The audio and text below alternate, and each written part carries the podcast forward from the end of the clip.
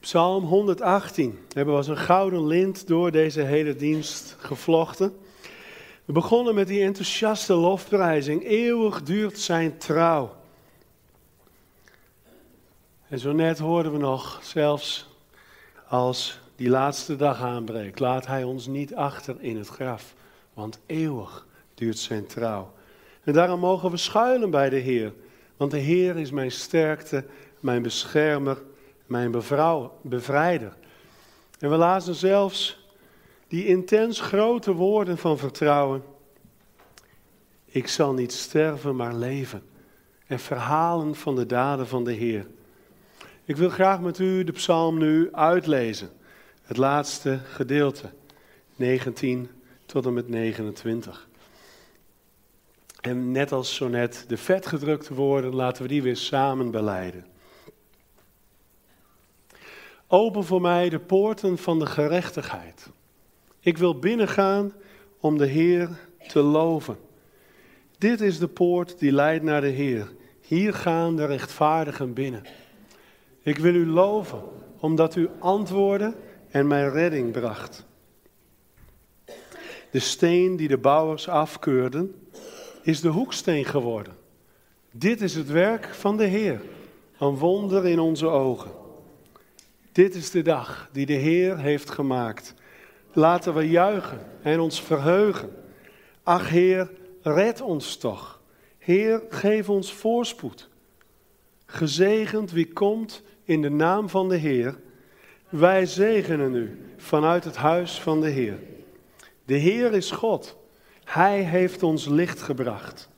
Vier feest en ga met groene twijgen tot aan de hoorns van het altaar.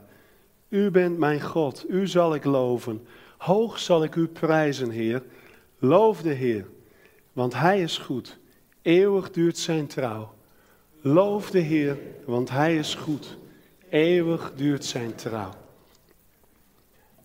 En die woorden waarmee de psalm begint en eindigt, die liet koning David ooit de zangers uitroepen op de dag dat de ark van het verbond feestelijk naar de tempel of naar de stad Jeruzalem was gebracht. De tempel stond er natuurlijk nog niet. Maar de ark werd daar naartoe gebracht. En dat was voor David een heel bijzonder moment. Waarbij hij dansend voor de stoet uitliep. En waarbij sommigen vonden dat de koning zich wel een beetje waardiger mocht gedragen. Zet jezelf niet zo voor schut, man, je bent koning. Davids eigen vrouw, Michal, minachtte David om zijn uitbundigheid. En weet je, minachting, niet voor vol aan worden gezien, dat is iets waar David in zijn leven vaker mee te maken had. Op meerdere momenten in zijn leven zagen mensen hem niet staan, zagen mensen niet de waarde die God zo duidelijk wel in hem zag. Misschien herken je dat zelf ook wel eens. Dat je niet het idee hebt dat mensen je zien staan. David was de jongste in zijn gezin. En op een dag komt de profeet Samuel naar zijn dorp. En hij wil bij zijn vader Isaïe en gezin een feestmaaltijd houden tot eer van God. En Samuel weet dat hij een van die zonen van Isaïe tot koning moet zalven. En Samuel die ziet die sterkste, oudste zonen van Isaïe en die denkt, nou, dat is hem. Kijk eens, dat zou nog eens een geschikte koning zijn. Of anders die wel. En God maakt aan Samuel duidelijk, jij kijkt naar de buitenkant. Maar ik kijk naar het hart. Ik heb deze niet gekozen. En Samuel heeft op een gegeven moment al die zonen die er zijn gezien en hij heeft nog geen koning. En dus vraagt hij aan Isaïe, zijn dit alle zonen die u heeft? En het antwoord zegt best veel. Nee, zei Isaïe, de jongste is er niet bij. Die hoedt de schapen en de geiten. David was niet eens uitgenodigd.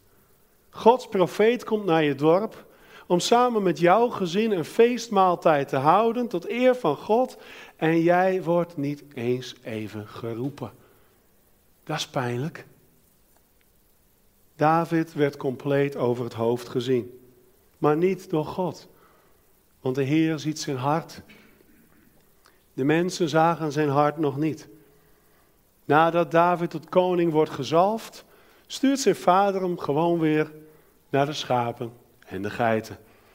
Want de geschikte tijd is nog niet aangebroken.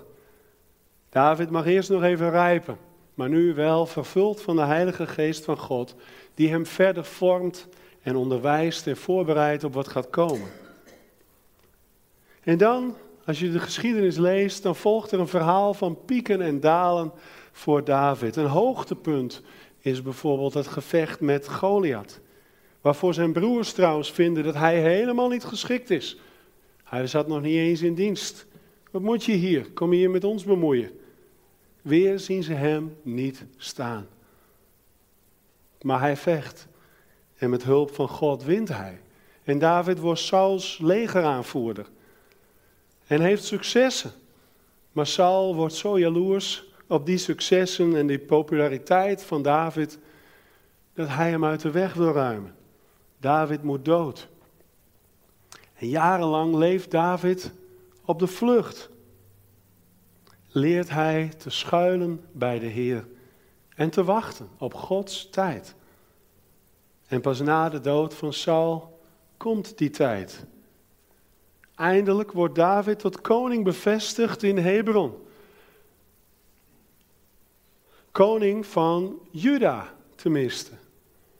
Maar nog altijd niet koning van heel Israël. De rest van de stammen kozen namelijk niet voor David, maar liever voor een nakomeling van Saul.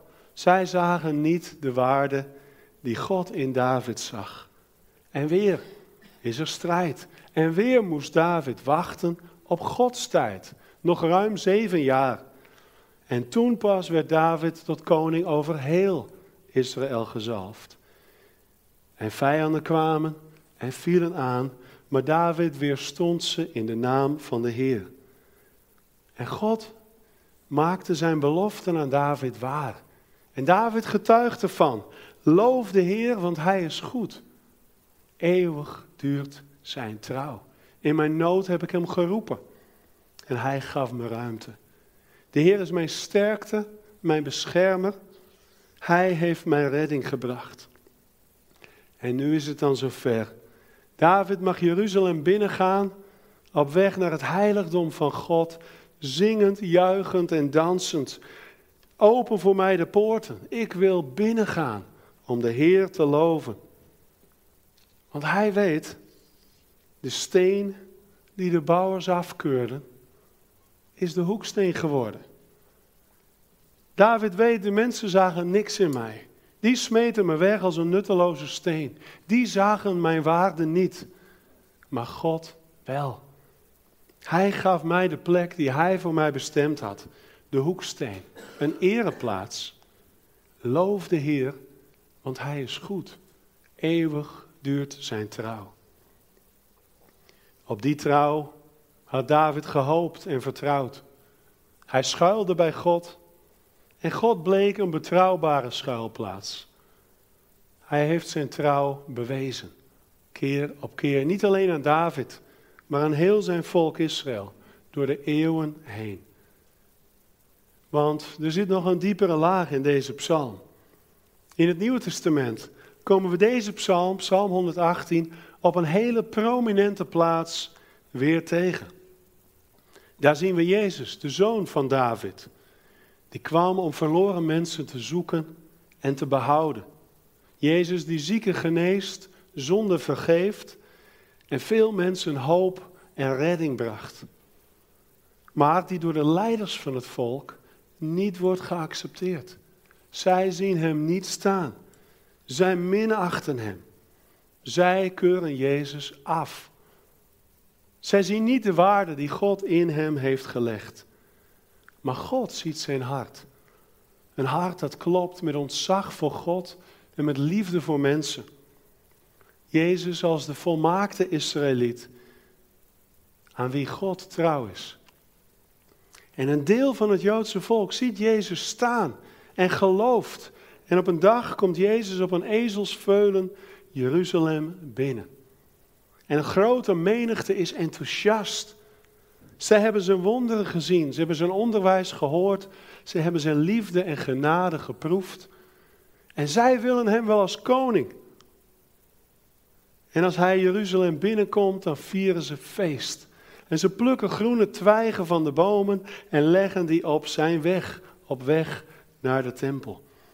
Precies datgene waartoe vers 27 van onze psalm oproept. Vier feest en ga met groene twijgen tot aan de hoorns van het altaar. En ze roepen Jezus toe. Gezegend wie komt in de naam van de Heer.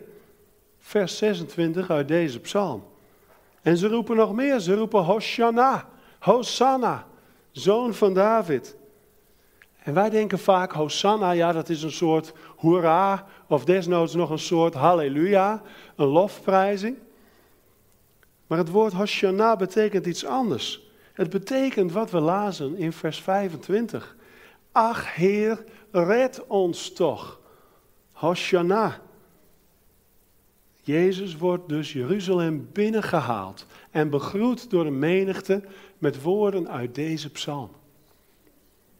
Hij wordt begroet als de zoon van David, de Messias, gezegend die komt in de naam van de Heer. Maar de leiders, de bouwers, keuren deze steen af. Die willen hem kwijt. En Jezus confronteert ze ermee. En hij vraagt ze: Hebben jullie nooit gelezen? De steen die de bouwers afkeurden, is de hoeksteen geworden. De bouwers willen van hem af en maken plannen om Jezus te doden. En dan komt die avond dat Jezus voor het laatst de Pesachmaaltijd met zijn leerlingen viert. En dan lezen we, na de maaltijd zongen zij de lofzang. En dan denk je, nou, mooi, ja, wij zingen ook wel eens wat. Maar weet je welke liederen ze zongen? Bij de maaltijd, bij de Pesachmaaltijd, zingen Joden het Egyptisch Hallel. En dat begint met Psalm 113 en het sluit af met de psalm die wij zojuist hebben gelezen. Psalm 118, onze psalm. En als je dat beseft, wat zit daar dan een spanning in? Aan tafel heeft Jezus immers zijn leerlingen verteld dat hij zal sterven dat hij zal opstaan. En dat zij hem, tot hij terugkomt, moeten gedenken met brood en met wijn. Hij heeft ze voorbereid op zijn sterven. En na de maaltijd zingen ze Psalm 118. Met die grote woorden die Matthäus net voorlas. Ik zal niet sterven maar leven. En verhalen van de daden van de Heer. De Heer heeft mij gestraft, maar mij niet overgegeven aan de dood. Daar word je toch koud van? Hij heeft zijn leerlingen voorbereid op zijn sterven. En daarna zingt hij deze woorden. Wat moet er door Jezus heen zijn gegaan toen hij deze woorden zong? Die avond. Jezus ging zijn dood tegemoet. Hij zou wel sterven. Maar hij ging het kruis tegemoet. In het vertrouwen dat God hem niet voor altijd zou overgeven aan de dood. Hij zou gestraft worden in onze plaats om onze zonde. Maar hij zou leven en verhalen van de daden van de Heer. En dus laat Jezus zich arresteren. En hij wordt mishandeld, geslagen en bespuwd. En hij laat het allemaal toe. Ze geeselen hem. Ze spijkeren hem aan een kruis waar hij lijdt en sterft. En hij laat het allemaal toe. Jezus wist, ik zal niet sterven, maar leven en verhalen van de daden van de Heer. Jezus keek al voorbij het kruis, voorbij de dood. Hij wist van de opstanding. Afgelopen week sprak ik met Jacco, die mij vertelde dat hij gedoopt wil worden. God had ook hem overtuigd van deze waarheid. En hij was erdoor geraakt. Dat Jezus dat wilde doen Sterven voor mij en mijn zonden. Om mij weer terug te brengen bij God. Jacco zei, dat maakt me heel klein. Want dit verhaal van David en dit verhaal van Jezus heeft alles te maken met jou en mij. Wij mogen nu zingen van Gods grote trouw.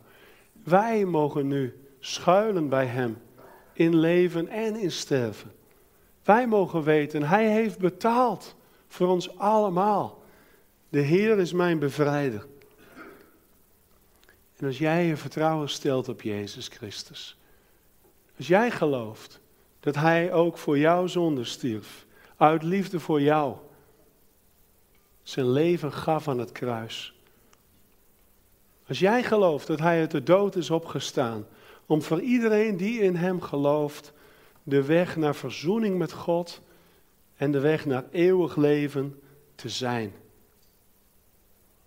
Dan verdient Hij jouw antwoord.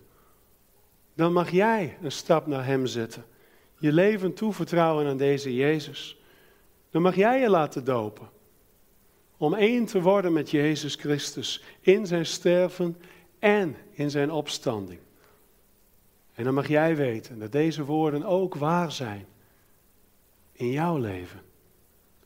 Ik zal niet sterven, maar leven. Hij laat mij niet achter in het graf. En ik zal verhalen van de daden van de Heer. Dan heeft voor jou de dood ook niet meer het laatste woord. Dan is er leven zelfs voorbij de dood. Leven door Jezus Christus, Davids zoon. De zoon van God. En dat is geweldig nieuws. De Heer is mijn bevrijder. Mag je dan heel persoonlijk zingen. Hoshana, Hosanna, kom en red ons. Dat gebed is dan glorieus beantwoord. Gezegend. Wie komt in de naam van de Heer? Loof de Heer, want Hij is goed. Eeuwig duurt zijn trouw. Amen.